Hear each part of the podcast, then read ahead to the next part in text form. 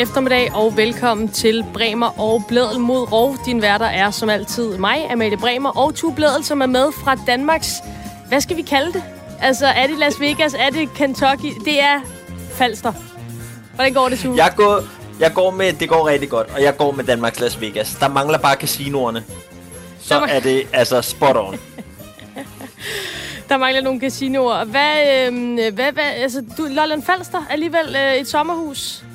Ja, det er der, jeg er krøvet ned for at tilbringe øh, min øh, vinterferie sammen med familien. Lige Mm. nu er øh, børnene puttet ude foran vinduet, så der er styr på dem, og jeg kan holde dem ude, hvis de vågner i løbet af udsendelsen. Der er låst for døren. Øhm, Vigtigt. så, øh, så der er ikke noget, der kan forstyrre. Og jeg har tænkt meget over det der. Nu sagde vi, altså Danmarks Las Vegas. Det kan godt være, at Danmarks Kentucky er mere passende. Jeg ved egentlig ikke, hvad de selv vil gå med. Måske Danmarks Midwest. Altså det er jo her, er jo marker, så langt øjet rækker. Ikke? Det er Jo. jo, øh, altså Sjællands fødekammer, vi er ude i.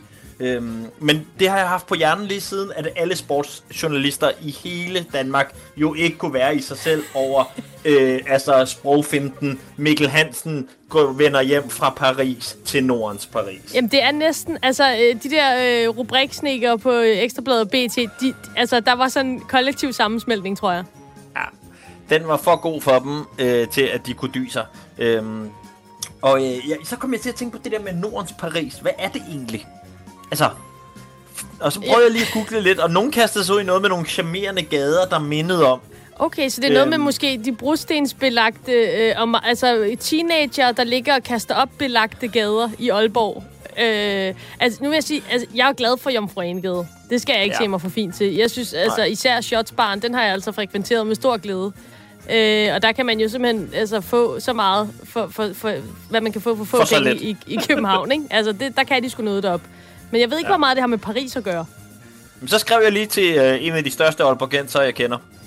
Øh, hvad er det med det der? Og så skrev han, det er jo Aalborg-tårnet, vores lille ynkelige Eiffeltårn, som i mange år mest var et sted, man kunne score sig en hurtig gang madforgiftning, men som vist nu er blevet en mere fancy omgang. Okay, jamen altså, hvis, øh, hvis de siger det selv deroppe, så er det vel øh, det, vi tager med videre. Og, og tillykke til Nordens Paris med at få verdens Ja. bedste håndboldspiller øh, tilbage i folden. Det er voldsomt. Ja, og han skal måske så holde sig lidt for Aalborg-tårnet, fordi hvis det har været et sted, hvor man fik maveforgiftning, har han ikke lige døjet med det under et helt VM. Jo, han kan snart ikke tabe som jeg, tror jeg. Han skal, hans mave skal have lidt stabilisering nu. Så øh, han må lige øh, holde sig væk, indtil at vi har fået clearet øh, buffeten i, øh, i Aalborg-tårnet. Men det er jo så også først fra sommeren 2022. Ja, det, han har god ja, ja, det- tid det til at skiftes tage på igen, hvis det uheldet skulle være ude ved Aalborg Tårnet. En anden ting, øh, Amalie, jeg tænker, vi lige skal vende, det er det her med Crystal Palace angriber øh, Wilfred Zaha, der jo som den første Premier League-spiller nu går ud og siger, at han ikke længere vil knæle, da han mener, at det han blandt andet har mistet sin betydning. Ja, Øh, lad os kan lige lige... prøve Øh, at høre ham. We do it before games and even sometimes people forget that we have to do it before games. Like um people pass the ball before and forget oh so like, trying to get the meaning behind the whole thing. It's becoming i don't know it's like it's becoming like something that we we just do now you know? Like that and that's not that's not enough for me. I'm not going to take the knee. I'm not going to wear Black Lives Matter on the back of my because it feels like it's a target. We're isolating ourselves. We're trying to say we're equal, but we're isolating ourselves with these things that are not even working anyway. spændende. Ja. Øh, meget, synes jeg. Øh, og jeg synes faktisk, han har fat i noget. Jeg synes måske, han skyder lidt med spredhavl i sin argumentation, fordi nogle af de ting, han også nævner, øh, det er sådan noget med, at øh, han er af sine forældre øh, blevet opdraget til, at han skal være stolt over at være sort, og han skal stå oprejst og Mm. bære det, og sådan nogle ting. Øhm, og som man også siger her, så noget med, at det også føles som en skydeskive på ryggen, og have Black Lives Matter stående og sådan noget. Men jeg vil i hvert fald sige, den del af det, hvor jeg kan se, at det, jeg tænker, det passer en til en, det er det der med, at det har mistet sin betydning. Altså, Ja. Du ved, man gik jo i selvsving over det i starten, da man så de her store fodboldspillere øh, sætte sig på knæ foran kampene, øh, og tænke, gud, det er virkelig en bevægelse, der er i gang her. Det er jo noget, der startede i USA med ham her, den amerikanske fodboldspiller, og nu er det virkelig ved at rulle ind over os. Og hvad skal det ikke ende med? Mm. Og nu føler det som om, nu er det endt lige præcis der. Det er ja, bare med, at de sidder der, ikke? Jo, og det er jo det der med, om det nærmest er endt som sådan en, en undskyldning på en eller anden måde, for eksempel for det engelske fodboldforbund, hvor man siger, Nå, nu, nu har vi klaret det der med racisme, fordi de knæler jo inden hver kamp, men alligevel så ser man jo, og der har jo været masser af eksempler på det bare de seneste par uger med mørke spillere, som får fuldstændig vanvittigt ulækre øh, racistiske hadbeskeder, hvis de har lavet en fejl i en kamp osv., så, videre. så det kommer det ikke rigtigt til livs, og på en eller anden måde, så er det blevet lidt hverdag, og så synes jeg jo egentlig, han er ret i at sige, jamen, så må der simpelthen tages, tages andre midler i brug. Øh, den, den, den er ligesom over, øh, den ja. der. I hvert fald for ham, og, og det er jo respekt for det. Og især også, hvis vi så kigger lidt frem mod øh, VM i Katar, hvor vi jo har hørt flere øh, af dem, der siger, øh, vi vil ikke boykotte, men det kunne da godt være, at man skulle knæle som ligesom en af de ting, der kunne blive det opråb, som øh, vi som, hvad det nu end er, vestlig verden, eller hvem der har lyst til at, øh, at sige, det er måske ikke helt i orden, det der foregår i Katar, og er foregået i forhold til de migrantarbejdere, der har bygget stadions, at så var det der med at knæle, det var ligesom det greb, vi havde i værktøjskassen. Og så vil jeg sige, altså hvis det er ved at være udvandet nu, når vi så når til VM i Katar, så tænker jeg, så kan det være fuldstændig ligegyldigt, og der er også et eller andet over det der med, at det bliver for bredt. Når mm. vi, altså, vi er næsten der, hvor det handler om, at når, hvad handler at kanale om? Det handler om at noget med, at al ulighed er, er skidt. Ja, ja. Altså, hvor det bliver sådan lidt, ah. Ja, og det er jo heller ikke godt for den sag. Altså, øh, det, det, det med knælen, det startede med, med raceproblemer i USA, som du også nævnte ja. med Colin Kaepernick. Og, og lige pludselig så siger ja, al social uretfærdighed. Altså, så kommer der en masse ting ind under den hat, som faktisk udvander det rigtig meget. Og det er rigtig synd, fordi den sag, den er på ingen måde klaret. Øh, så, så, så med den her opsang, som jeg, jeg virkelig, hvis man skal gætte lidt, kunne forestille mig, at der er andre, der begynder at, at efterleve også, øh, så bliver det spændende at se, hvad, hvad der ligesom kommer efter, om der kommer noget, noget nyt og noget mere slagkraftigt måske. Absolut. Det holder vi øje med. Tu, hvis jeg fortalte dig om en øh, 74-årig nordmand, der hedder noget så nuttet som Bessebær, til efternavn. Og han går rigtig meget op i skiskydning. Tænker du så hyggelig fyr eller slem fyr?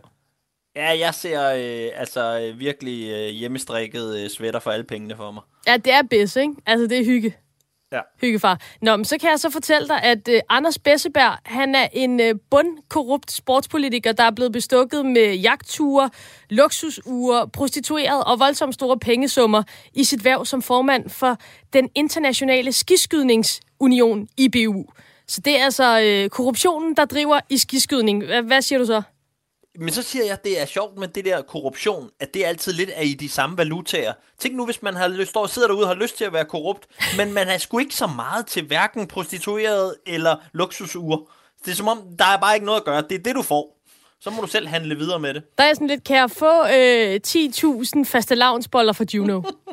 Præcis. Det vil sgu bat noget her i København, Nå, ikke? Men det er da vildt nok, altså, at der er så meget øh, korruption i en sportsgren som skiskydning, altså som jeg af en eller anden årsag, det er jo selvfølgelig også bare sådan lidt naivt tænkt, vil være en meget sådan idyllisk sportsgren.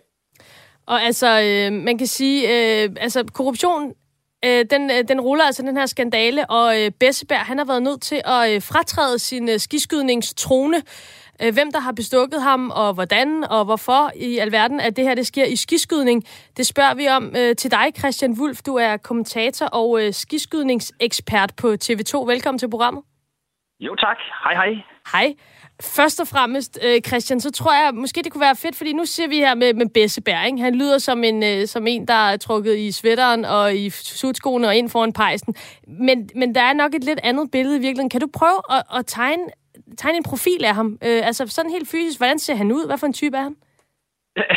helt fysisk, jamen så er han faktisk lidt en bamsefar. Øh, lidt den her nuttet, øh, kan man godt sige. En lidt, lidt rund i det øh, af en tidligere norsk elitesportsmand jo, fordi han har jo været skiskytte selv og været landstræner for det norske skiskydningslandshold tilbage i 80'erne. Og så har han, øh, er han jo faktisk nu sådan stadigvæk karakteriseret som altså mister skiskydning, mister biathlon. Øh, og det er jo så, kan vi jo høre på, på godt og ondt, fordi det er jo ham, der igennem de her 25 år, hvor han har siddet på, på toppen af tronen, øh, har skabt skiskydning til at være sådan en meget, meget lille nichesport, til at nu være den mest populære øh, tv-vintersport øh, i alle europæiske lande, stort set. Ikke? I, I hvert fald i alle dem, der, der dyrker noget med ski. Så øh, han har virkelig skabt sådan et, ja, et, et, et meget, meget populært øh, brand, som skiskydning er blevet til, og øh, Og, og det er jo den gode ting, men samtidig så øh, er der jo et problem i sportsverdenen, når man sidder for lang tid på magten. Jamen så, øh, så øh, sker der altså ting og sager, og det er jo ikke aldrig sundt at måske have for meget magt. Nej, og, og nu øh, peger spotlyset altså både på Anders Besseberg selv, og så på hans øh, tyske generalsekretær, en kvinde, der hedder Nicole Resch. Øh, og, og ifølge en artikel øh, fra jer på TV2, så skulle de altså angiveligt have modtaget op mod 1,8 millioner kroner i bestikkelse. Kan du fortælle, hvad er de blevet bestukket for, og hvem er det, der har bestukket dem? Ja, det er jo så det, vi stadigvæk øh, prøver at vente lidt på. Der er jo kommet en, en rapport, som ligesom prøver at skitsere det, men de siger jo selv, at jamen de ved jo ikke, hvor de her uger kommer fra, og hvorfor de har fået de uger. Øh, så der er jo altså dukket sådan en, en 5-6-7 øh, dyre uger til øh, 200-300.000 kroner stykket op hjemme hos Bessebær. Øh, og, og det har politiet jo så beslaglagt, fordi han ikke kunne redegøre for, hvor kom de fra. Øh, men altså, og det samme med de her jagtture og øh, de her prostituerede, som nogle gange er dukket op på hans hotelværelse, hvor han også siger, jamen, jeg ved ikke, hvem der har betalt for dem. Ej, det er også det, bare, altså, det, det der med, at der bare dukker en prostitueret op, ja. og man ved slet ikke, hvor de kommer fra, og de her fire Rolex-ure, det, det, altså, vi kender ja. det jo alle sammen. Ja, sådan er det jo bare i, i den verden, åbenbart. Men i hvert fald så øh, ligner det, at grunden til, at han har fået de der ting, det er jo, øh, at øh, han har ligesom kunne hjælpe Rusland på vej, øh, i hvert fald ved, at det er det, der står i, i rapporten, at han har været med til at skjule, eller i hvert fald ikke øh, tale nogle sager op, så han har prøvet ligesom at fortige nogle sager, og øh, og der har også været nogle russiske dopingprøver, som jo på en eller anden måde er, er sådan øh, vanished, altså forsvundet fra mm. overfladen mm. og så videre, hvor han skulle have en, en finger med i spillet. Men det, det siger han jo så, at han ikke har. Øh, og så har der været et spil med hans russiske sådan, vicepræsident undervejs, hvor de ligesom har foregivet til omverdenen, at de havde en lille beef kørende. Og, øh, men det har altså bare været sådan lidt spil for galleriet, fordi han inderst inden måske har støttet dem i, i deres vej frem, fordi de har støttet ham med diverse øh, godter. Så kunne jeg også godt tænke mig at høre, de her penge, som vi hører her, altså de her beløb og uger til 200-300.000, der altså øh, bare dukker op øh, hjemme hos øh, Besseberg og, og andre. Øh, pengene i skiskydning, er de så store? Ja, det er de jo blevet nu, øh, og særligt i Rusland, der er det den mest populære vintersport, der er. Øh, så der er rigtig mange penge på spil for russiske atleter, fordi det er der, de kan, det, det er jo sådan et, et stort forsørgergrundlag, de kan få, hvis de kan blive en del af landsholdet og øh, være en del af præmiepengene. Nu er der jo VM lige nu i Porkuga i Slovenien, og der vinder man 25.000 euro for en sejr, og der er pengepræmier ned til top 20. Øhm, og bliver du en af de store russere, så har du altså også øh, russiske øh, sådan, øh, altså man kan jo sige, det er jo, en, det er jo en våbenindustri, og det er jo nogen, der har rimelig mange penge, sådan nogle Ishmash-rifler øh, og anschütz-rifler og sådan noget, og det, det er jo en stor industri, så på den måde er der jo masser af penge, man kan få med sig, og de store skimærker og så videre, så, så der er relativt store beløb, men det er ikke noget, der måler sig med tennis og fodbold og alle mulige andre øh, golf, øh, de, de helt store pengestærke øh, forbund, men øh, men der er kommet flere og flere penge i det. Men altså, jeg synes, det, det bliver mere og mere sådan kulørt. Nu, nu kaster du så også øh, våbenindustrien ind i det, og altså, som sagt, så taler vi damer og dyre uger og jagtture og, og, og alt sådan noget, som Rusland har begavet de her to skiskydningsofficials med. Altså, hvordan kan det være? Altså, du siger godt nok, der er penge i skiskydning, men så stort er det måske heller ikke. Altså, hvordan kan det være? Hvad er det med skiskydning, der gør, at det er sådan her? Jamen, øh, det er jo den der popularitet, som Besseberg jo faktisk, og det er den gode ting, altså han har givet den her omverdens øh, forståelse, det her, den der spænding, den måde at designe konkurrencerne, øh, sådan så, så der er så meget action, man aldrig ved, hvem der vinder til sidst, og dermed er det jo et, et sindssygt godt underholdningsprodukt. Det er jo derfor, jeg også sidder og snakker om det på, på TV2 hele tiden, fordi mm. det er, der er tonsvis af seere til det, og, øh, og, og det er det produkt, der ligesom har magt i sig selv, det vil sige, der er rigtig mange tv-rettigheder på spil, Øh, og på den måde så er der jo en, ja, en, en, en stor omverden, der gerne vil følge med i de store stjerner, og på den måde kommer der jo så flere og flere penge i det. Øh, og særligt i Rusland, så er det bare den største øh, vintersport, så derfor er det jo klart, at de gerne vil have en finger med i spillet, øh, og sørge for, at deres atleter gør det godt. Og hvad, altså din sådan helt personlige opfattelse af, af, af Besseberg og mange af de her historier, når man, når man ligesom læser om det, så kan der nogle steder næsten blive antydet, at han jo er sådan lidt en naiv gammel mand, og han har fået nogle gaver, og nærmest sådan er blevet manipuleret af russerne, uden at han har haft en, en fuldstændig ond mening øh, til at, at skjule de her ting. Øh, hvad tænker du om det? Ja, altså det, det er i hvert fald sådan, han gerne vil have det til at lyde lige nu. Mm. Øhm, men samtidig så siger atleterne og miljøet rundt omkring, altså Sebastian Samuelsson, som er en svensk skiskytte, en kæmpe stjerne lige nu, øh, har lige øh, vundet flere medaljer allerede ved det her VM, i, i der er i gang. Øh, han skrev på Twitter, øh, ganske kort, fuck you, øh, til Bessebær. Øh, og, og det var jo bare sådan en kæmpe stor fuckfinger til lige præcis øh, Bessebær, fordi at han går der og foregiver, at han at han ikke ved noget som helst om noget som helst. Og man kan også sige, hvis øh, det er måske et navn, som folk kender, en, der hedder Martin Foucault, som er den, altså den største skiskytte gennem tiderne efter mm. Oleiner Bjørndalen. Han har også været ud og være meget, meget, meget hård i kritikken. Så altså alle øh, atleterne har peget på det i flere år, at nu må der altså ske noget. Nu skal han altså af. Nu skal han væk fra magten, ham der, der har siddet der i 25 år.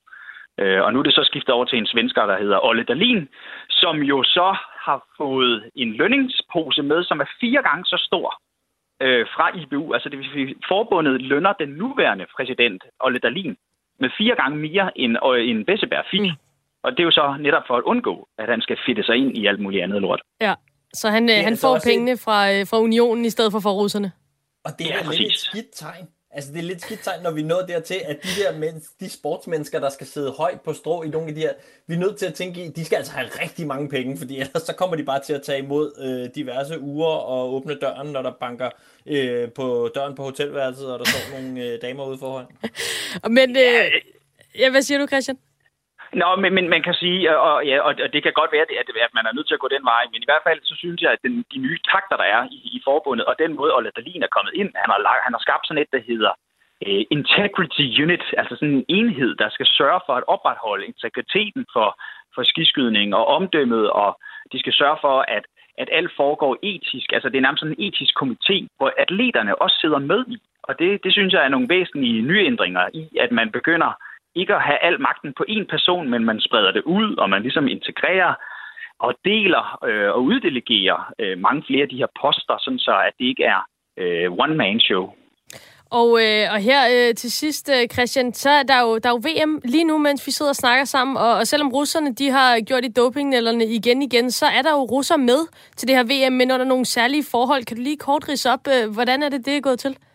Ja, altså det er jo ligesom alle andre store mesterskaber. Øh, I alle forbund, så hedder det altså sådan, at Rusland må ikke hedde Rusland, men de hedder RBU, altså øh, den russiske skiskydningsunion. Så de må øh, altså stille op uden det russiske flag på dragten. De må ikke på deres sociale medier skrive, at de kommer fra Rusland. Øh, de må kun omtale sig selv som RBU-atleter.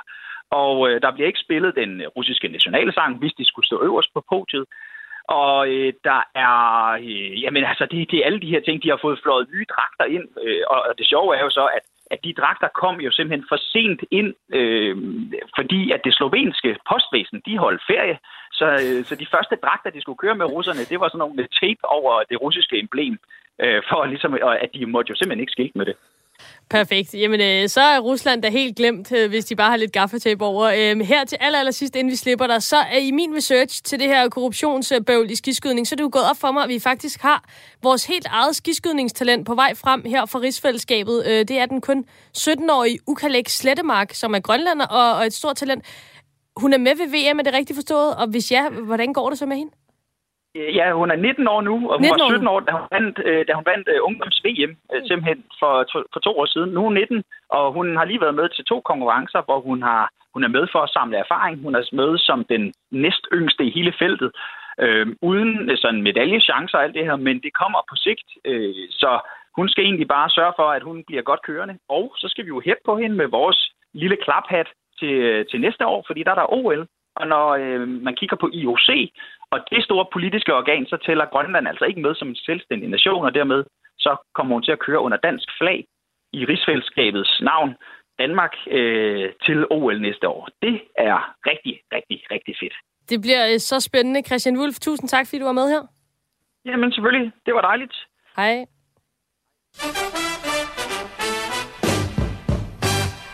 Man fik helt lyst til at male, og øh, altså, nu måske også fordi jeg lige har været et par dage med ski, men smække et par langrensski ja. på øh, fødderne, og så bare ned og finde øh, havlgeværet, og så derudad. Altså, nej, men Christian, han kunne virkelig sælge skiskydning, synes jeg. Ja, og jeg synes også bare sådan, altså, øh, jeg havde bare slet ikke indtryk af, at der var så meget gang i skiskydning. Og de der øh, stjerner, som bare øh, fyrer den af på Twitter og sådan noget. Jeg tror at jeg skal begynde at, at hænge lidt ud med nogle flere skiskytter på Twitter. Helt klart. Øhm, og nu skal vi altså til, til videre til en af de øh, helt store, og det er øh, selveste Michael Jordan. Calm you down. They'll work their plays. Steal. He kept it in bounds. Here it is again. Oh! Yes! Whose game is it? It's Michael Jordan's game. Jeg ved, du er glad for basketball, too. Ja, men altså, det var Michael, og det var Michael Jordan, der hævde mig ind, øh, da jeg øh, en eller anden gang der i øh, 90'erne sad og så øh, blandt andet den der finale mod Utah Jazz, hvor han laver det der helt legendariske crossover, og lige skubber lidt med hånden, som jo også ja, er Michael han får Jordan, den lige bagved. Øh, viser lidt om, hvem han er, øh, og en vinder for enhver pris, mm. øh, men bare også bare med is i, øh, i årene, ikke? Altså, ja. Øh, ja, kæmpe legende. Og han er altså blevet øh, 50 år i den her uge øh, MJ, øh, den bedste nogensinde. Og øh, jeg ved ikke, om det var i den forbindelse, men øh, måske en form for fødselsdagsgave fra ham selv til hjemstaten i uh, North Carolina. Ikke desto mindre så åbnede han altså pengepungen i en sådan grad, at øh, jeg tænker, at vi skal kalde ham øh, ugens held her i øh, Bremer og Bledel mod Rov. Lad os lige høre et øh, klip om det. Well, we've got a big announcement that you'll see first on CBS this morning. I love when this happens. NBA superstar Michael Jordan. You know where he was this weekend at NASCAR, but he always finds time to give back. He's making a $10 million donation to Navant Health to open new health clinics in his hometown of Wilmington, that's North Carolina. This comes after he already donated $7 million back in 2017 to open two clinics in Charlotte. The Michael Jordan Family Clinics provide primary medical care and mental health services to underinsured or uninsured communities. Altså, øh, 10 af de øh, helt tunge stænger, og så i øh, dollars, gør det der lidt varm ind i, når den gamle held, han laver sådan en? Ja, men han er samtidig også så kynisk en person, at jeg kan ikke lade være med at tænke med hele det der gambling-ry, han også har. Kan vide, om det er bare fordi, han har ramt jackpot på rouletten, og så tænkt... Jeg kan sgu da lige kaste efter lidt. nogle klinikker. Ja, præcis. Men dejligt, det er dejligt. Vi er i øh, fuld gang med Bremer og Blød mod Rov her på Radio 4, og nu skal vi syde på til et af de steder, jeg, jeg, jeg er jo næsten ved at sige, hvor vi godt kan lide at være, fordi vi bruger meget tid på det, men vi kan jo ikke, altså det er Katar, og det er jo noget råd, simpelthen. Vi elsker at tale om det i hvert fald, det er helt ja. sikkert. Øh, selvfølgelig ikke mindst øh, rettet mod øh, VM i Katar og de forhold, der er for øh, alle de migrantarbejdere, der har skulle bygge de stadions.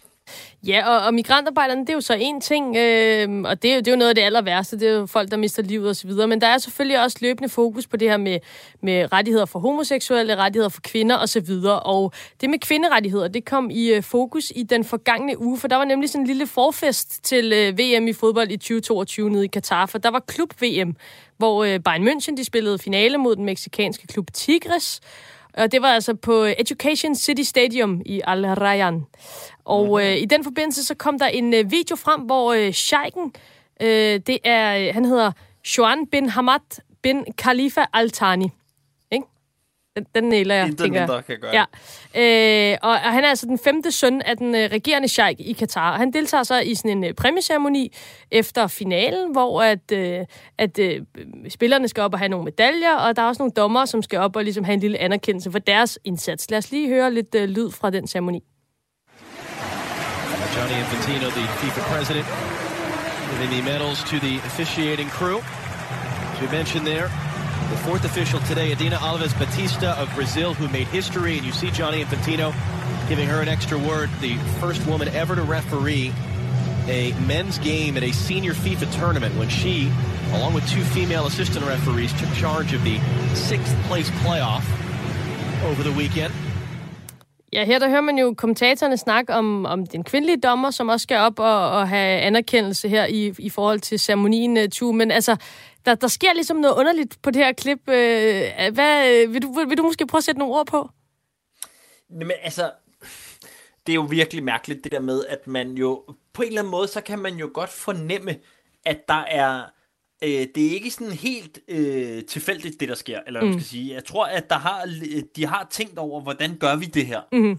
Øh, på den bedst mulige måde, uden at alle synes, vi ser rigtig dumme ud, men også uden at vi gør øh, det, som vi virkelig ikke har lyst til, som øh, blandt andet for eksempel at stikke klør 5 frem. Øh, altså, ja, ja det, det, og det, jeg synes virkelig, man kan sådan nærmest fornemme akavetheden igennem klippet, når man ser det. Ja, og, og altså, øh, det er jo ligesom, den, der er to kvindelige dommer. Den første går forbi, øh, først kommer der to mandlige dommer, de får et fistbump, øh, eller sådan en knuckles der af Scheiken, så går der den første kvindelige dommer forbi, og det er jo der, hvor man fornemmer, okay, de, de er ligesom blevet briefet inden, fordi hun går bare sådan helt stålfast forbi ham. Ja. Og så kommer nummer to kvindelige dommer, og hun, hun nikker sådan ligesom, vender sig mod ham og nikker. Og der er han så til gengæld rimelig stålfast og stiger bare ud i luften og anerkender ikke rigtig øh, hendes assistent, øh, eksistens. Og, øh, og så kom jeg jo til at tænke på, hvad det var, Morten Vikor sagde til mig i øh, landsholdslejen i sin tid. Altså, at DBU vil forsøge at påvirke Katar indenfra ved for eksempel at have kvinder med i staben. Øh, og der tænker jeg jo lidt stakkels de kvinder, der skal hives ned og være øh, galionsfigur øh, dernede for, for DBU's øh, forsøg på at påvirke indenfra. Men altså, samtidig så måtte jeg jo også indrømme, at jeg ved ikke særlig meget om hilsekutymen i Katar. Mm. Altså, jeg har aldrig været i Katar, jeg har aldrig været i... Jeg, jeg, jeg har været i Ægypten, og ellers så, så, så, så tror jeg ikke, jeg har været i, i, i et muslimsk land. Øh, men ligesom de fleste andre, så har jeg jo hørt sådan noget med, at, øh, at mænd og kvinder ikke øh, kan give hånd. Det er der i hvert fald nogen, der ikke vælger og sådan noget. Men, men hvad er egentlig op og ned, og er det øh, respektløst, at jeg ikke anerkender de her kvindelige dommer, eller er det blot ligesom en lokal skik, som, øh, som jeg ikke forstår? Og, øh, og derfor så tænkte vi, at vi måtte have fat i sådan en slags øh, muslimsk Emma Gad, som ligesom kunne udlægge teksten for os, øh, og derfor så ringede jeg tidligere i dag til øh, Natasha Al-Hariri, der er direktør i Dansk Flygtningehjælps Ungdom. Og øh, jeg startede med at spørge hende, øh, hvad hendes øh, egen tilgang til, til håndtryk egentlig er. Altså, jeg har selv baggrund i Libanon og Palæstina, og er kommet i Libanon rigtig meget som barn og ung. Øhm, og der har jeg familiemedlemmer, som ikke giver hånd, og andre familiemedlemmer, som giver hånd til personer af det, af det modsatte køn eller andre køn. Øhm, så det har været sådan meget blandet i min opvækst. Øhm, og hvad kan man sige, jeg har altid givet hånd, og, og kram gør det jo ikke så meget det sidste år. Mm. Og jeg vil sige sådan, for familiemedlemmer, som bor i Danmark, og som ikke giver hånd af til personer af andre køn, så, øh, så har det faktisk været en lettelse for dem, fordi mm. at der ikke ligesom har været de her krav om, at det er den eneste måde at hilse på. Og jeg tror, der er mange, der er sikkert mange, der har fordomme også omkring det her med, om hvis man er muslimsk mand, så må man ikke give hånd til kvinder, og det er en regel og så videre. Altså, kan du ligesom prøve at gøre os lidt klogere på, øh, er det, er det nogle grene, eller nogle særlige lande, eller områder, eller så videre, eller hvor, hvordan opstår det her? Altså man kan sige, hvis man dykker helt ned kun i det, i det religiøse aspekt, så er det jo øh, alle personer, som øh, skal afholde sig fra at øh, være i fysisk berøring med personer af andre køn. Mm. Øhm, så det er jo noget, der ligesom, sådan, hvis man forholder sig udelukkende til det sådan konservativt religiøse, så, øh, så, så, så gælder det alle øh, muslimer. Øhm, og så er der jo selvfølgelig, øh, hvad kan man sige, kulturelle kroge af det her, ikke? hvor man i nogle lande, hvad kan man sige, sådan, anvender det mere end andre, ikke? eller mm. sådan, øh, forholder sig mere sådan konservativt til det end andre. Og øh, hvis vi så skal prøve at snakke om den her video, øh, har du selv set videoen fra Katar, og hvad tænkte du, øh, hvad var din sådan umiddelbare reaktion, da du så den første gang? Ja, jeg har set den, og jeg blev faktisk nødt til at se den flere gange, fordi øh, altså jeg blev nødt til sådan lige at, sådan, at, at kigge igen, hvad, hvad gjorde han? Altså han kiggede ikke engang på hende, fordi øh, det vil man jo normalt gøre, når der går et menneske forbi. Mm. Øhm, men, men, men der bliver, altså, hvad kan man sige, hendes tilstedeværelse, eller jeg mener faktisk, det var to øh, kvindelige dommer, mm. de, deres tilstedeværelse blev slet ikke anerkendt. Heller ikke med et, øh, altså med et blik, eller med et nik, eller med en hånd på hjertet. Så jeg blev egentlig øh, vildt frustreret. Altså, øh, og, og man kan sige, at der er mange forskellige måder at håndtere det her på, hvis man ikke vil give hånd. Altså, øh, det ved jeg, fordi jeg har personer i min egen familie, som ikke giver hånd, og som finder andre måder at gøre det på. Ikke? Mm. Altså, det kan for eksempel være øh, som minimum et nik. Øh, øh, det kan være en hånd på hjertet. Øh, det kunne være, at man ligesom gennemførte de her etiketter, så det ligesom galt for alle dommerne, at man ligesom på den måde heller ikke sådan skældnede mellem, om det var en mand eller en kvinde, øh, men at man ligesom behandlede alle ligeligt. Øh, så der er ligesom forskellige måder at komme udenom den her meget øh, ubehagelige situation på. Og nu, øh, da vi snakkede i telefon sammen første gang, der nævnte du selv øh, VM i håndbold, der jo var i Ægypten, mm. øh, og hvordan det havde foregået. Så jeg gik tilbage og så øh, spolede mig igennem 40 minutters præmieceremoni øh, fra VM i håndbold. Det, var ikke, øh, det kan jeg ikke anbefale, men øh, ikke desto mindre. Og der kan jeg se, at, at Ægyptens premierminister, han for eksempel giver medalje på, de giver så godt nok ikke hånd, men det er jo så også på grund af corona, men, men røg jo så i hvert fald ved, ved den dan- kvindelige danske fysioterapeut. Øhm, er det, altså, hvorfor er det så meget anderledes, tror du, i, i golfen, altså i, i Katar, end det for eksempel er i Ægypten? Er det på grund af kulturelle forskelle, eller hvad er det?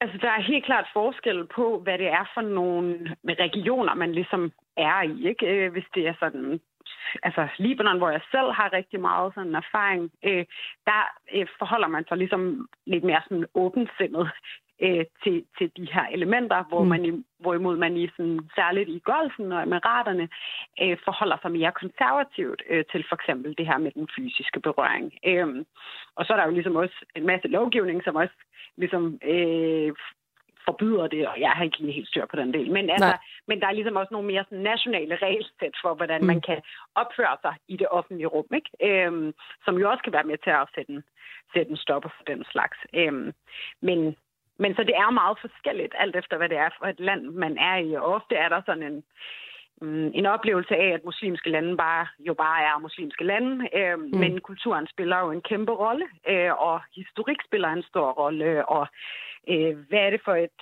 et folkestyre, man har, øh, spiller også en stor rolle. Så, så man, kan ikke, man kan ikke ligesom snakke om muslimske lande på den måde. Og altså, jeg fik sgu lidt i skoene, at det var fordi, jeg ikke kunne forstå den kultur, der er i Katar, da jeg ligesom øh, øh ringede på næsen over det klip. Og, og jeg forstår heller ikke den kultur, der er i Katar. Det kan jeg godt være helt ærlig at sige. Men, men kan du ligesom finde nogle måder, hvis du kigger på, på også de ting, du ved, og, og også de kulturer, du har besøgt osv., kan du finde nogle steder, hvor det faktisk vil være en respektfuld eller en, en okay måde at, at hilse, eller ikke hilse, eller hvad man siger, den måde, som du ser i klippet? Der er intet i den måde, øh, den sheik øh, ikke hilser på, øh, som er respektfuld. Øh, det, det, det kan man ikke pakke ind i kultur, fordi øh, der er også kutyme i alle kulturer, øh, mm. og det her det er en sindssygt dårlig kutyme. Og jeg kan ikke sige noget om, om alle andre sheiker havde gjort det på samme måde. Øh, så derfor tror jeg også, altså, øh, at det er vigtigt ligesom at se på det som en som den situation, ikke? Og i den situation var det helt vildt forkert også i muslimske sammenhæng, og også i sådan mellemøstlige, øh, arabiske sammenhæng, at der er det simpelthen uhørt, at man ignorerer mm. et menneske til, et, til en begivenhed, som er verdensomspændende. Altså sådan en ting er jo, at man er øh, værtsland, men, men, men når man er værtsland for, for, for et VM, altså, så skal man jo også i hvert fald indføre nogle kutumer eller etiketter, som alle kan være med på, og som, som skaber et trygt rum for alle lande at deltage i. Mm. Og så lige her til allersidst, øh, hvad, hvad tænker du om, hvis man øh, som deltagende kvinde, det kan være dommer, det kan være en, øh, ja, nu var det en fysioterapeut på det danske håndboldlandshold, øh, det kunne være, at, at DBU valgte at tage en, en, en kvindelig fysioterapeut. Hvad tænker du om, at, at man ligesom skal opleve det, øh, når man er deltager på lige fod med alle de andre til VM i Katar? Jeg tror faktisk, det er helt afgørende, at man har en snak omkring de her ting. Der er jo masser af historier omkring VM i Katar, øh, og masser af meget, meget, meget essentielle og vigtige debatter, vi skal have der, øh, og dem er vi jo ikke færdige med at have. Og det her, det er jo bare on top of. Hvad kan vi ligesom, hvad kan man sige, hvad er det for et fælles øh, værdigrundlag, vi gerne vil skabe omkring det her Katar? Mm. Og, og og det synes jeg er en vildt vigtig samtale at have, og jeg håber da, at DBU øh, også vil gå forrest i den samtale. Og det handler ikke om at være respektløs over for værtslandet. Det handler om at skabe et fælles rum, hvor vi alle sammen er enige om, at det er, øh, at vi anerkender alle, alle led øh, af øh, afholdelsen af det her VM, fra alle frivillige til fysioterapeuter, til dommere til spillere. Det var altså Natasha Al-Hariri her om øh, det manglende håndtryk. Hilsen, øh, Nick. Hvad skal vi efterhånden øh, mene om det i øh, Qatar 2? Jeg vil i hvert fald også sige, at øh, altså, øh, de gange, hvor jeg har rejst i Mellemøsten, har jeg i hvert fald også oplevet, at det tit var mig, der var lidt akavet i den der situation om, hvorvidt mm. at der skulle gives håndtryk eller ej. Og der oplevede jeg faktisk, øh, og det var jo så især kvinderne, var sindssygt gode til ligesom at, i deres kropssprog at guide mig i, hvad det rigtige var at gøre. Mm. Øhm, og et af de bedste virkemidler var jo bare, at med et stort smil og et anerkendende blik og og nikke til en, Ja. øh, men, men lad hånden ligesom blive i lommen, eller hvor man nu havde den, så var alle jo ligesom med på, at, det, hvad der, at man havde sagt pænt hej til hinanden, men det var ikke lige det der med håndtrykket, der skulle ske. Øhm, og det er jo totalt det, man savner ved, ved det der klip også. Det er jo ligesom noget, noget menneskelighed, øh, altså, hvor ham der jo enten er ekstrem akavet og fryser i situationen og kigger lidt ud i luften, eller bare er altså, enormt kynisk og øh, har et, øh, et problem med, med kvinder. Ja, og det, det bliver jo spændende at se, når, når det er jo to kulturer, der mødes på en eller anden måde. Det bliver det jo også i 2022. Vi har fået et indspark på øh, sms'en. Det er Dennis, der har skrevet ind på 1424.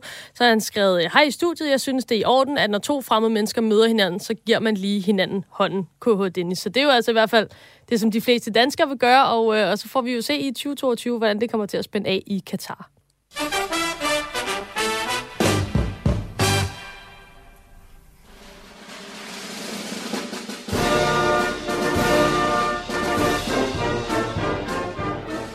Og øh, vi bliver lidt i øh, Katar, tu. Jeg tænker, det er øh, ved at være lang tid siden, at vi har haft fat i ilovekatar.net. Har du ikke savnet dem? Det må, jo, og det må også være fair, fordi vi bruger masser af taletid i programmet på at tale om nogle af de udfordringer, vi synes, de har i Katar. Og hvis der er noget, de ikke beskæftiger sig med i I Love Qatar.net, så er det jo som regel udfordringer. Det er mere fejringer. Ja, øh, og det er det. der foregår af lækre ting i Katar. Det er bare positivt. Altså, de er super positive, ikke? Og, øh, og det er de selvfølgelig også angående VM. For eksempel så er en af de øh, seneste nyheder, det er, at øh, stadionbyggeriet, det fortsætter på trods af pandemien. Det er bare så dejligt. Altså, øh, det der med, med corona, øh, sindssygt mange tilfælde inden i de her små øh, containerlejre, hvor migrantarbejderne bor. Glem det. Vi klør på, venner, ikke? Det fortsætter. Ja, det er det, man får, når man stuer folk sammen. Så opstår der vel hurtigt en eller anden form for flokimmunitet, man så bare kan sende dem tilbage på arbejde. Ja, altså der bliver ikke rigtig nævnt noget om nogen migrantarbejdere i artiklen, men altså, the show Nej. must go on. Øhm, og, øh, og så kan de jo også øh, melde, at øh, billetsalget til VM 2022 er gået i gang. Øh, ikke for os almindelige dødelige, men hvis man har lidt penge, der brænder i lommen, det kunne være, at man var i minkavl og lige havde fået et par millioner, så er der altså hospitality-pakker til salg på FIFAs hjemmeside. Og, øh, og, og, og Tue, nu siger jeg bare lidt, øh, lidt priser til dig. Og så kan du jo øh, melde ind, om det kunne være noget for dig. Øh, hvis du for eksempel vil se alle Danmarks gruppekampe, her går jeg jo bare ud fra, at vi kvalificerer os, og så eventuelt en knockout-kampe med altså, fantastiske pladser, inklusive loungeoplevelse, fireretters menu, forberedt af gourmetkokke til alle kampe, fri bar og, altså måske mest vigtigt, fri parkering. Øh, så koster det den nette sum af 308.000 kroner for to personer. Fundet for de penge. Er du enig? Fuldstændig. Alene fordi jeg ville elske at se, hvordan din op så ud nede på parkeringspladsen der ved siden af diverse Lamborghini'er. Og, og hvis så en af gumikokkene er ham der, du fortalte mig om, der, ja, der, strøger, der strøger salt på en absurd måde, så kan det godt være, at jeg er ved at være klar til at, at hive øh, pengepunkten frem. Ja, og, og altså, men jeg må så sige, det her med de 308.000, det er jo fattigmandsmåden at gå til VM i Katar på. Fordi jeg har slet ikke nævnt det, de kalder uh, The Amazing Package. Uh, der kan jeg også godt lide, at de kører diskret titel på den. Ja, ja. ja, ja. Øhm, der får du altså hele 19 kampe. Det, er så det er alle kampe på et stadion, man vælger. Ikke? Så det er inklusiv øh, finalen. Privat suite, fem retters. Der opper de den også lige. Ikke? Den anden var kun fire retters for, for de fattige. Ikke? Det her der er fem retters gourmetmenu, sommelier til kampene, der udvælger særlige vine. Til for eksempel her skal du, nu skal du se Marokko mod Schweiz, så får du den her Chardonnay. Øh, og, Forestil dig, at du sidder, og vi er i altså 80. minut i en eller anden sygt spændende kvartfinale, og så står der en eller anden klaphat og fortæller dig om, hvor hvidvinen kommer fra. Altså, kan du komme væk? Ja, øh, og det er altså det, samtidig med øh, de bedste parkeringspladser. Jeg må så skuffe at sige, Amazing Package er selvfølgelig allerede udsolgt.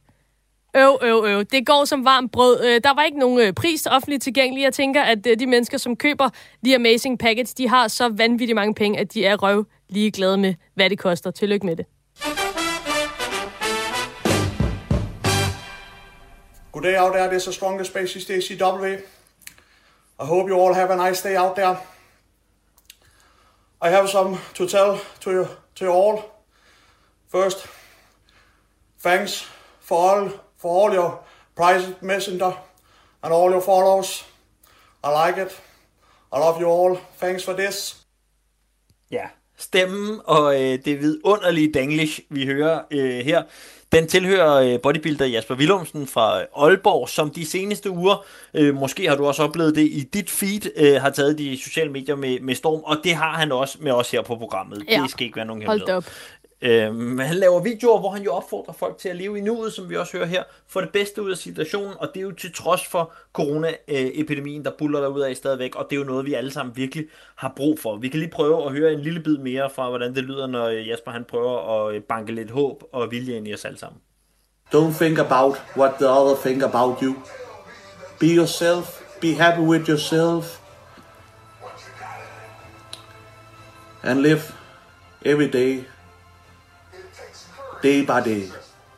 Not tomorrow, but this day and this moment. You will believe and be happy where you are. Ja tak. Og nu har vi altså øh, selveste Jasper Willumsen med på en øh, telefon. God eftermiddag, Jasper. Ja, god eftermiddag. Jeg håber, det jeg har det er en godt. fornøjelse at have dig med. Ja, vi har det godt. Har du det godt? Ja, jeg har det fantastisk. Jeg er lige blevet færdig med at træne, så jeg er bare klar. Sådan. Perfekt. Hvor mange træningssæt kører du på sådan en uh, almindelig dag? Ej, men jeg kører faktisk, altså, jeg træner kun uh, lige uh, to timer, hvor der er sådan, jeg styrketræner, og så har jeg lige omkring 25 minutters cardio efterfølgende, og så en gang imellem aftenen, så tager jeg lige tre kvarters cardio også. Så, Okay. øh, så det er lidt forskelligt. Det kommer også an på, om jeg skal arbejde, eller om jeg har min søn. Okay, du får Nej. det til at lyde sådan, ah, det er jo bare lige... Og så, og så lige er du bare det vildeste rutine af. Det vil jeg sige, der får du altså os andre til at virke som nogle slapsvanse. Ja, men det var fordi, jeg har jo øh, gjort det her i 21 år nu, så for mig der er det jo bare hverdag jo. Det er det. Klart.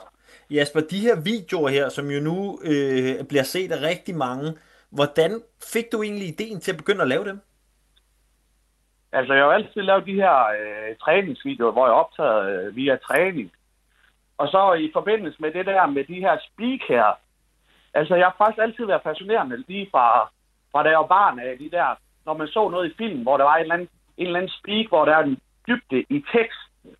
Og dengang, der havde jeg sådan en lille lommebog, kan jeg huske. Der skrev jeg den her noter ned, fordi jeg synes, det var meget, at det var meget fascinerende. Øh, og det rørte noget ind i mig. Så det er egentlig faktisk derfra, at så lige pludselig så tænker jeg, ved du hvad, det kan jeg, jeg- jeg synes, der er for mange mennesker, som hele tiden tænker frem til, hvornår corona det åbner. Men folk, de lever bare ikke i nuet, og de mister fremtiden ved, at der er sådan, de ikke lever i det øjeblik, vi er i nu.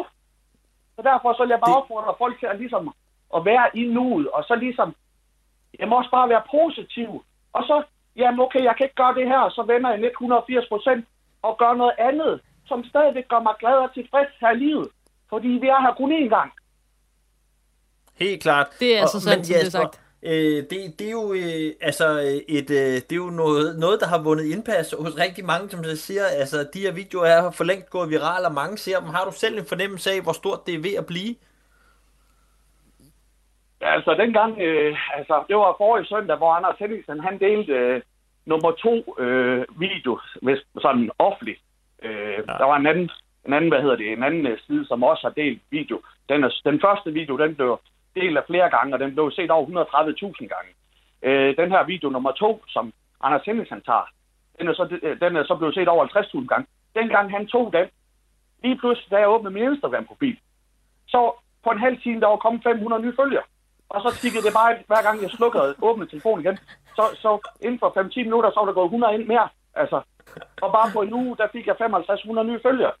Så, så ja. jo, jeg, jeg har ligesom fornemmet, at det er sådan, at øh, det går rimelig meget godt sådan, altså fremad. Altså, Der sker sgu noget. Helt sikkert. Det går stærkt, og det er fedt. Øh, Jasper, altså, øh, det her nu sagde jeg også, øh, en, det er jo også en vidunderlig danglish, du fyrer af i, øh, i de her videoer her. Altså, hvor meget af det øh, er der også øh, sjov i det, og hvor meget af det er der alvor? Altså, i bund og, bund og grund, så, så er det jo, det er jo, altså jeg mener det. Altså jeg mener det fra det indre jo.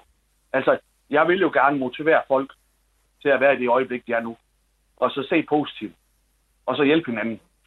Jeg synes, der er for mange, der ligesom... Altså, man er nødt til at give noget tilbage. Og jeg vil gerne give noget tilbage. Og det er fint nok, folk de smiler på, og, og de måske går lidt nar af det. Men jeg er den, som jeg er, og jeg er ikke ej for at stå ved øh, de fejl og mangel, jeg har. Fordi det her, det er mit liv. Det er ikke andres. Så jeg står glædelig ved den, som jeg er. Og jeg er nu den, som jeg er, så, så det, har jeg, det, det har jeg ikke nogen grund til at ligesom at væk. Ikke det mindste.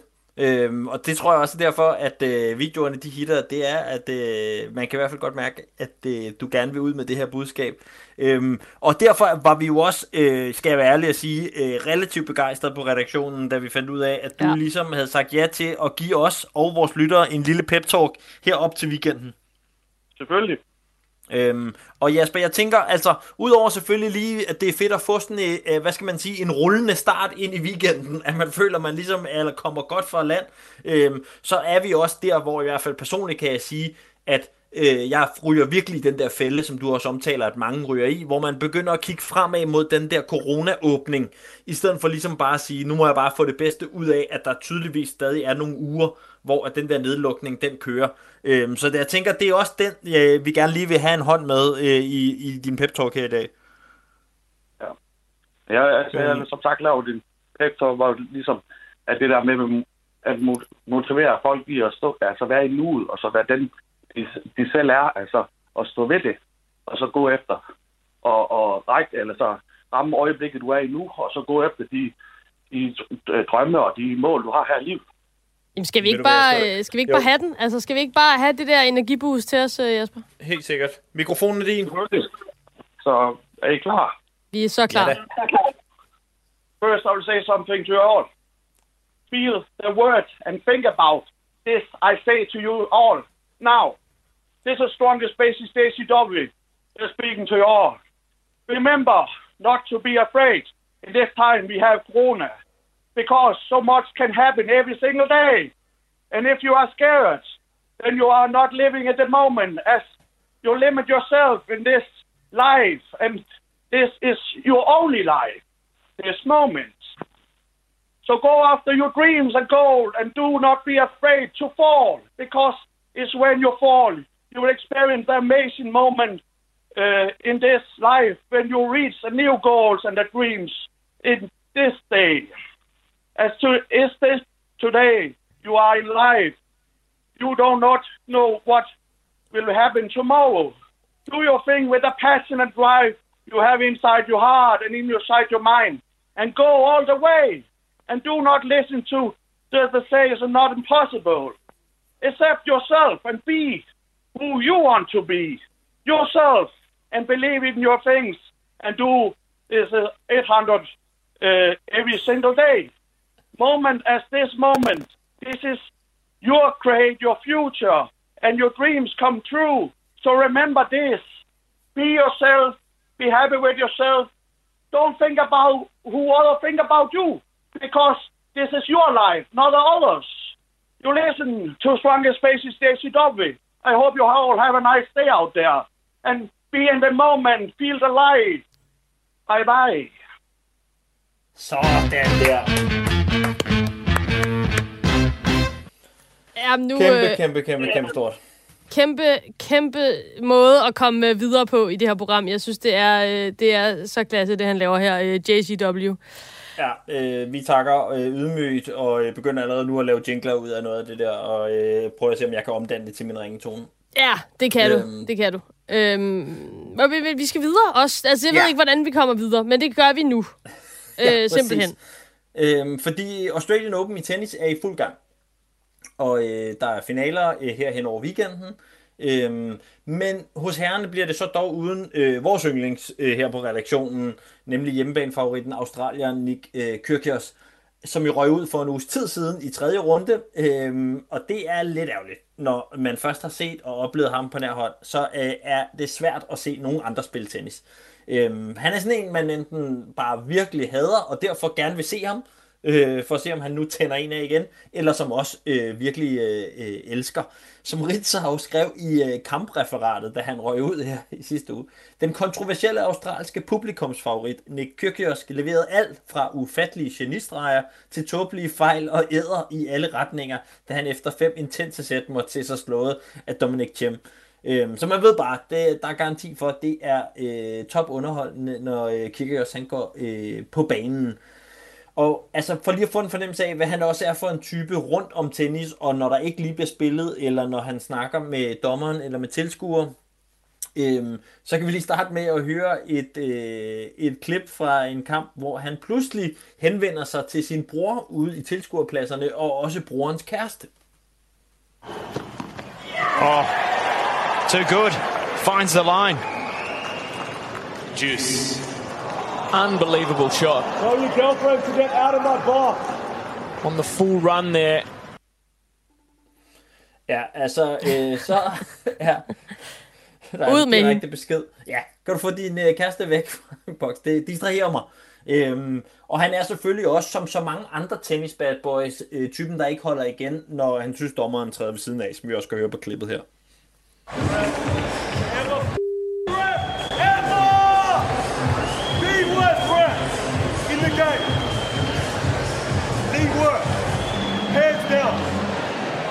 Single time I play, he's doing some stupid every time.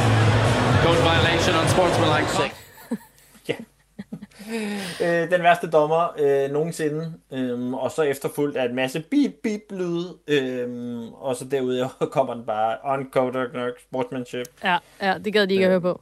Nej. Øhm, derudover er han jo også typen, der selvfølgelig har kastet sig ud i alverdens andre øh, sådan trash talk over for sine modstandere.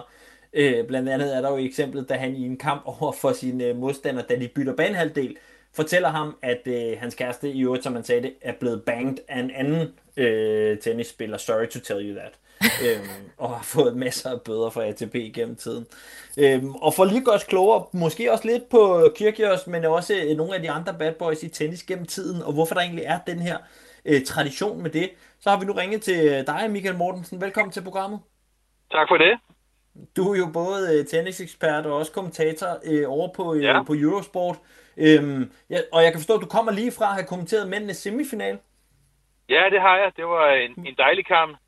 Hvordan gik det? Medvedev, som uh, var i gang imod uh, Stefanos Tsitsipas. En ganske glimrende kamp, hvor Medvedev var lige en tand bedre i dag.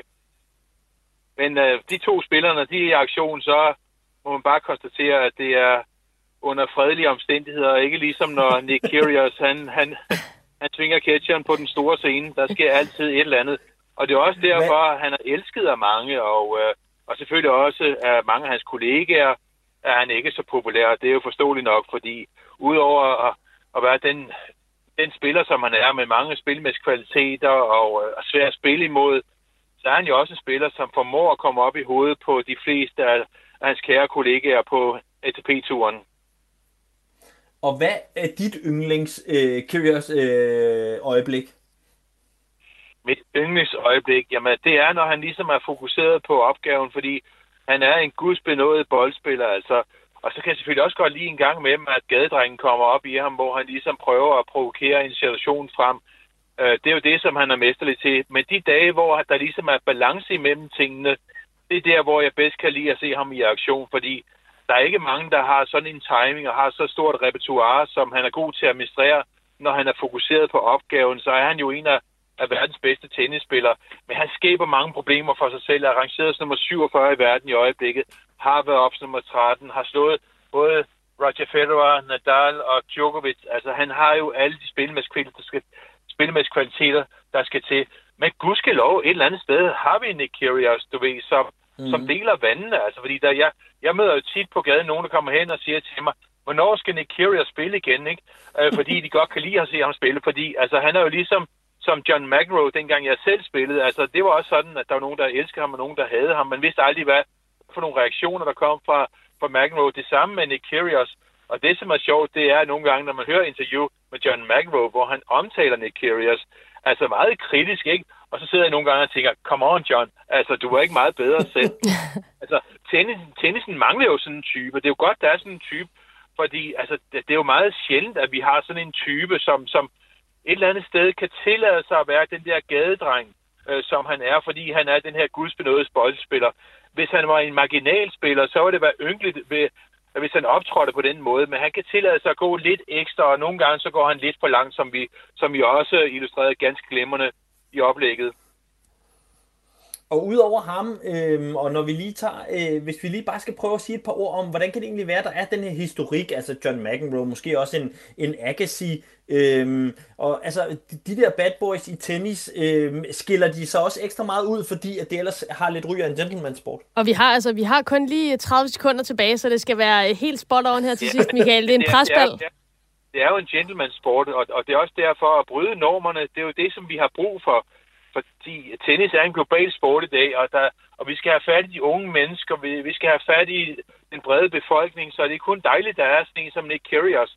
Men jeg håber bare, at han en dag finder en balance, fordi hvis han gør det, så får han også indfriet sit, sine sportslige øh, ambitioner, og det er jo at vinde Grand Slam-turnering på et tidspunkt. Det skal nok komme, men igen, vi skal takke øh, han, tennisentusiaster for, at, at de er så begejstrede for en spiller som, som Nick Kyrgios, fordi der kommer hele tiden omtale af Nick Kyrgios, men, men altså, han er, som Tak, han er. Michael. Vi, øh, vi når desværre ikke mere, Michael. ikke Vi må, vi må lukke den her. Tak for